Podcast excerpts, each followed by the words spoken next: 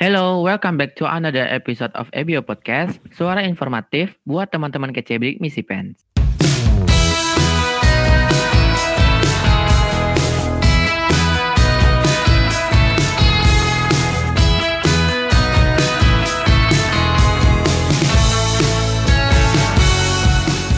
Halo teman-teman semua, kenalin, uh, aku Marwan Insan Kamil atau biasa dipanggil Il dari kelas 2 Multimedia Broadcasting A, uh, Politeknik Elektronika Negeri Surabaya angkatan tahun 2020. Selamat datang di episode kedua dari EBIO Podcast. Nah, kali ini kita bakal kedatangan uh, mahasiswa PENS yang baru saja mendapatkan anugerah mahasiswa berprestasi nasional. Wow, yang tentunya masih dalam forum bidik misi, yaitu Mas Fadlul Hakim Ihsan. Halo Mas Hakim, selamat malam. Halo Iil, selamat malam. Nah, selamat malam Mas. Gimana nih Mas kabarnya? Alhamdulillah sehat. Mas Iil gimana kabarnya? Sehat ya Mas. Alhamdulillah juga sehat Mas. Nah sebelum itu Uh, sebelum kita masuk lebih dalam, mungkin Mas Hakim bisa memperkenalkan diri terlebih dahulu, Mas, sekaligus menyapa sobat bidik misi pens yang ada di rumah. Silakan, Mas. Oke, uh, perkenalkan namaku Fadlul Hakim Ihsan, biasa dipanggil Hakim. Saat ini semester 7 di Politeknik Elektronika Negeri Surabaya, program uh, teknik komputer ya, program studi teknik komputer. Oke, selamat malam buat teman-teman sobat bidik misi semuanya. Semoga nanti sharing sessionnya bisa bermanfaat ya. Amin, amin, amin, amin. Nah, kita masuk pertanyaan yang pertama ya, Mas. Oke. Okay. Nah, Mas, kalau boleh tahu gimana sih perasaan Mas Hakim pas awal-awal ketika jadi mahasiswa di PENS ini? Kalau okay. boleh jawab. Kalau menurutku sih uh, the real kampus perjuangan ya Pens itu ya mm-hmm. uh, sesuai dengan motonya gitu. Saya dulu pernah nulis gitu di Instagram, Pens memang bukan mimpi saya gitu. Dan mungkin banyak dari kita juga uh, tidak memimpikan Pens gitu ya sebagai kampus uh, atau pendidikan lanjutan kita gitu ya. Dulu saya inginnya ke Kazan gitu, sudah bisa-bisan untuk dapat beasiswa S1 gitu ya ke Rusia, modal ke Jakarta wawancara, siang malam mempersiapkan dokumen-dokumen, belajar bahasa dan sebagainya. Uh, dan menurut saya memang pendidikan itu uh, harus dijadikan sebuah mimpi gitu ya harus bisa gitu betul. harus dapat kita nah, betul betul itu. tapi ternyata uh, Allah punya maksud lain gitu kan tekad untuk hmm. membalas mimpi yang tak tercapai itu ternyata butuh banyak perjuangan gitu nah ternyata ketemu juga hmm. dengan kampus perjuangan kampus pen gitu ya betul nah hmm. berarti perjuangan Mas Hakim ini sangat luar biasa ya teman-teman. Dia mulai dari daftar ke luar negeri dan sampai di pens ini dan bisa sukses di pens ini ya Mas begitu. Nah, hmm. selain sebagai mahasiswa nih Mas, apa aja sih kesibukan Mas di dalam maupun di luar kampus? Oke. Okay. Kalau saat ini semester 7 gitu ya, mungkin teman-teman yang semester 7 juga tahu gitu. Yang pertama ada yang pasti tugas akhir ya, tugas akhir nih yang uh, sangat uh, apa ya perlu persiapan kemudian banyak yang harus dilakukan dan sebagainya.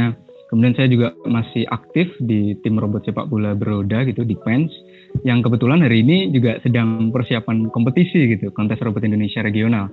Nah mungkin uh, sedikit juga mohon doanya gitu uh, di hmm, iya, mas, podcast boleh. ini semoga bisa kembali membawa yang terbaik gitu bagi Pens. Amin amin. Selain itu saya juga uh, founder gitu dari Panoptis.id sebuah platform hmm. yang kita kembangkan gitu bersama teman-teman kita kembangkan layanan sosial yang dapat membantu masyarakat mengakses layanan kesehatan mata gitu yang lebih mudah dan yang terakhir saya juga uh, sebagai lead komunitas dari Youth Care for Katarak sebuah komunitas hmm. yang kami bangun untuk mengedukasi masyarakat uh, tentang kesehatan mata khususnya hmm. seputar katarak um, itu sih okay. kesibukan untuk saat ini Wah, ini cukup sibuk ya Mas Hakim, tapi tetap bisa mengimbangi dengan kegiatan yang ada di kampus ya Mas begitu? Insya Allah. Nah, ah, Alhamdulillah. Nah, kita masuk nih Mas ke ranah bidik misi. Uh, menurut Mas, uh, apakah mahasiswa bidik misi itu harus memiliki prestasi nggak sih? Dan hak mengapa gitu? Harus dong. Saya rasa uh, apa ya semua mahasiswa memiliki tanggung jawab gitu ya uh, tanggung jawab pribadi dan juga tanggung jawab untuk lingkungan sekitar gitu. Apalagi mahasiswa bidik misi gitu kan. Tanggung jawab pribadi uh, menurut saya sendiri adalah gimana kita harus punya semangat gitu untuk selalu menjadi yang terbaik bagi diri kita sendiri gitu. Sehingga uh, ke depannya kita bisa menjadi sumber daya manusia yang uh, unggul gitu. Nah yang kedua adalah tanggung jawab ke sekitar gitu sebagai agent of change kan. Mahasiswa kan agent of change ya yakni untuk Betul, terus berkontribusi membuat perubahan positif bagi sekitar. Nah menurut saya misi ini juga bukan semata-mata untuk prestasi bangga-banggaan aja ya, tapi betul, juga betul. dalam upaya menciptakan prestasi abadi gitu, prestasi tertinggi bagi hmm. diri kita sendiri yakni kontribusi nyata yang bisa kita buat gitu ya sehingga dapat terus dirasakan dampaknya bagi sekitar. Karena kita kan juga hmm. tahu ya, baik-baik hmm. manusia gitu uh, adalah yang bermanfaat bagi sekitarnya gitu. Jadi betul, mungkin betul. saya ingin mengajak gitu, ayo nih mahasiswa bidik misi gitu ya, harus bisa gitu, harus bisa menunjukkan yeah. bahwa kita uh, udah terpilih nih untuk diberikan kesempatan menempuh pendidikan yang yang sebaik-baiknya gitu. Itu sih menurut saya harus gitu ya. Oh iya mas. Nah selama Mas Hakim menjalani kuliah nih, apa sih masalah terbesar yang pernah Mas Hakim hadapi dan bagaimana sih cara menanggulanginya? Masalah terbesar ya, uh, kalau yeah. menurut saya sendiri masalah terbesar dalam pendidikan sebenarnya tentang implementasi dari ilmu pengetahuan itu sendiri gitu ya. Cukup banyak kan kita yang kita pelajari di perkuliahan ini sebenarnya uh, sudah cukup banyak gitu. Tapi yang menjadi masalah menurut saya adalah sebanyak itu yang kita pelajari di mana nih uh, akan kita salurkan gitu kan. Nah maka dari itu uh, kalau menurut saya cara mengatasinya ya kita harus mengimplementasikan gitu kan, mengimplementasikan ilmu-ilmu tersebut yang udah kita dapatkan gitu. Nah kalau saya sendiri jalan saya gitu ya adalah melalui kegiatan seperti riset robotika sehingga nanti hasil penelitiannya dapat dipublikasi gitu dimanfaatkan lagi oleh peneliti-peneliti lain. Kemudian mengembangkan platform sosial ikut serta dalam pengembangan komunitas uh, yang kepedulian gitu ya ikut dalam forum-forum diskusi untuk menyalurkan informasi yang kita dapatkan gitu ya selama kuliah kita kan dapat banyak masukan gitu dapat banyak informasi nah sayang sekali kalau kita tidak ikut forum-forum diskusi untuk sharing dengan mahasiswa yang lain gitu ya betul, selain betul, itu juga betul, melalui program ini ya mahasiswa berprestasi ini sekarang saya juga hmm. uh, dapat satu kanal baru nih untuk membagikan informasi ke lebih luas lagi gitu. Nah, melalui Wah, iya, seperti iya, iya, podcast ini gitu kan.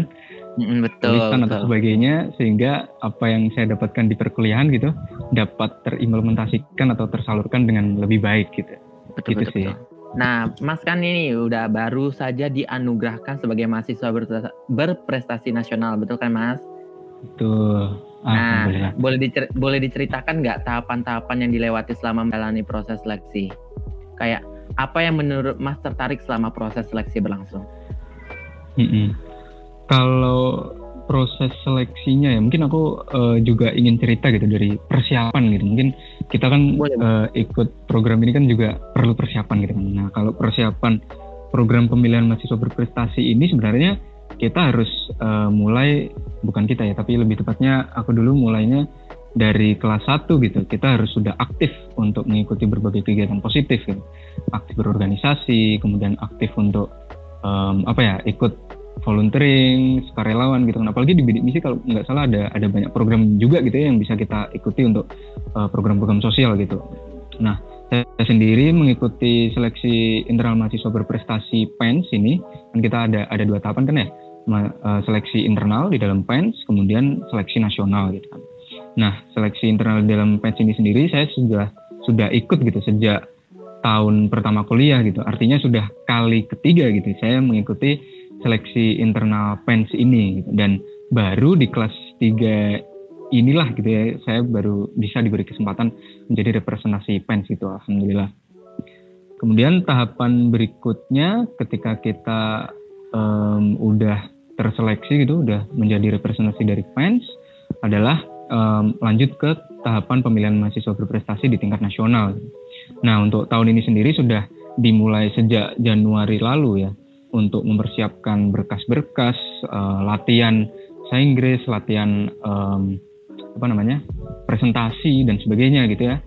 Nah, untuk tahapannya sendiri di dalam uh, pemilihan mahasiswa berprestasi nasional ini terdiri dari uh, beberapa tahapan gitu. Yang pertama uh, desk evaluation, yakni uh, kita seleksi berkas gitu ya. Kita kumpulkan uh, proposal produk inovasi kita dan list capaian unggulan gitu, capaian-capaian prestasi yang teman-teman buat gitu.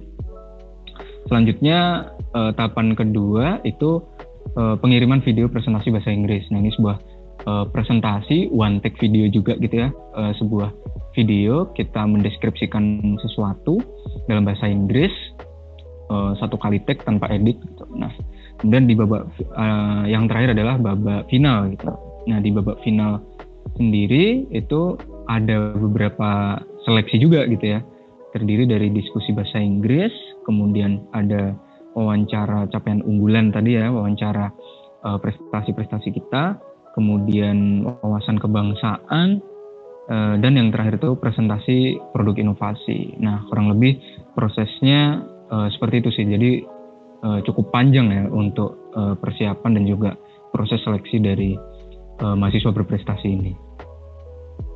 Itu sih Mas Iil. Oh, cukup panjang ya Mas untuk apa namanya progres prosesnya itu dari langkah awal dari seleksi di kampus sampai ke seleksi nasional gitu ya Mas? Mm-hmm. Dan kalau misalkan nah. tadi Mas Iil tanya gitu ya, mana yang iya. menarik iya. gitu kan ya, belum. Iya betul. Nah itu sebenarnya karena prosesnya cukup panjang, ada banyak hal yang menarik gitu kan sebenarnya. Tapi kalau uh, disuruh pilih mana nih satu yang paling menarik gitu kira-kira, hmm, saya ada di iya, tahap final ya, ketika diskusi bahasa Inggris gitu. Nah itu sangat seru banget di sana karena kita hmm, uh, okay. bermain puzzle informasi gitu. Jadi tiap-tiap dari kita yeah, dapat yeah clue gitu uh, kemudian kita uh, pecahkan gitu teka-teki tersebut dengan berdiskusi satu sama lain. Nah tadinya kita juga nggak paham nih maksudnya apa gitu, tapi setelah kita mulai uh, berdiskusi lebih uh, banyak tentang clue-clue yang didapatkan, akhirnya kita hmm. bisa menjawab teka-teki yang diberikan gitu. Nah itu sih menurut hmm. saya yang yang mungkin cukup berkesan gitu dan dan paling seru ya, gitu, di dalam tahap betul betul Uh, gitu sih. Dan pastinya ini juga perjuangan yang sangat besar menurut Mas Fadil, eh Mas Hakim ya. Benar-benar. Nah, gelar mahasiswa berprestasi nasional ini pasti uh, adalah predikat yang membanggakan, tapi pastinya tidak akan sampai berhenti di sini kan Mas. Nah, selanjutnya gimana nih Mas Hakim rencananya untuk ke depan? Wah, kalau ditanya rencana, uh, sebenarnya mahasiswa berprestasi ini menurut saya adalah bagian ya dari proses membalas mimpi yang tak tercapai tadi kan. Saya dulu S1 nggak sebenarnya tidak memimpikan defense gitu. Kan saya uh, ingin gitu mewujudkan atau membalas mimpi tersebut gitu ya. Gimana caranya kita bisa uh, gimana caranya saya dapat uh, dapat menjadi yang terbaik itu walaupun tidak hmm. sesuai dengan mimpi saya gitu. Seperti yang saya ceritakan di awal. Sebenarnya hmm. masih ada banyak PR gitu ya saya ingin menjadikan produk inovasi yang sudah saya uh, submit uh, yang sudah hmm. saya buat itu panoptes.id itu saya ingin bisa menjadi startup unggulan gitu di Indonesia dan mungkin bisa berdampak amin, amin, amin. secara multinasional insya Allah gitu ya. Hmm. Saya ingin melihat gimana sih sejauh mana gitu yang yang bisa saya dan tim gitu ya tim panoptes.id hmm. dapat membantu di bidang kesehatan mata ini. Gitu. Selain itu saya juga uh, punya target gitu semoga gitu ya untuk dapat melanjutkan studi uh, lanjutan S2 di luar negeri gitu, melalui melalui beasiswa gitu. Dan hmm. hal ini juga menjadi yang menjadi salah satu alasan saya kenapa uh, harus ikut mahasiswa berprestasi gitu. Hmm, Oke, okay, Insya okay. Allah dapat iya gelar mahasiswa berprestasi ini kan cukup pres uh, apa ya cukup iya, betul. prestis gitu ya di, di Indonesia iya, gitu betul, dan insya Allah dapat membantu saya gitu untuk mendapatkan beasiswa uh, S2 yang uh, saya mimpikan gitu. Itu sih. Ya, kita doakan bersama-sama ya teman-teman untuk Mas Hakim bisa mencapai ke tujuannya untuk ke depannya begitu. Amin. Amin. Amin. Amin. Ya Rabbal Alamin. Nah, pernah nggak sih Mas Hakim ini merasa capek kan sebagai mahasiswa bidik misi nih ya uh, itu pasti ada beban yang dipikul yaitu amanah masyarakat Indonesia yang mana kita bisa jadi kuliah gratis kan karena itu. Mm-hmm. Nah, apakah Mas Hakim pernah ngerasa terbebani dengan status tersebut Terus kalau pernah gimana cara Mas Hakim mengatasi perasaan terbebani itu? Hmm, hmm, hmm. Kalau terbebani sebenarnya saya sendiri uh, jujur tidak terlalu memikirkan gitu ya status saya sebagai mahasiswa bidik misi gitu. Sebaliknya, oh, okay. uh, saya lebih cenderung untuk memikirkan gimana nih kita sebagai mahasiswa bidik misi gitu sudah mendapatkan berbagai bantuan dan fasilitas yang diberikan dalam program bidik misi ini gimana cara kita memanfaatkannya secara maksimal gitu. Dan betul, uh, betul. saya juga jadi teringat gitu ya pesan dari Bapak Tribudi dan uh, Bapak Ali gitu ya selaku wakil direktur dan direktur Pens beliau berpesan gitu saat saya akan maju ke babak final mau Presnas kemarin gitu.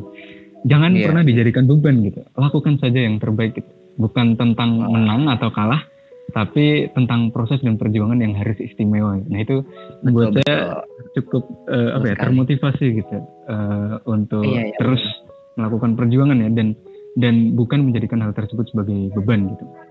Mm-hmm. Dulu saya juga sempat uh, menulis gitu di buku yang saya buat gitu judulnya titik-titik perhentian bahwa kita hidup mm-hmm. di sini kan ya di dunia ini kan bukan untuk bersenang-senang gitu tapi uh, tentang ujian gitu. Semakin kita menolak ya akan jauh terasa lebih berat gitu kan. Iya gitu betul, sih. betul. Dan uh, dulu kakak tingkat saya gitu di tim robot juga berpesan gitu namanya Mas Ardi.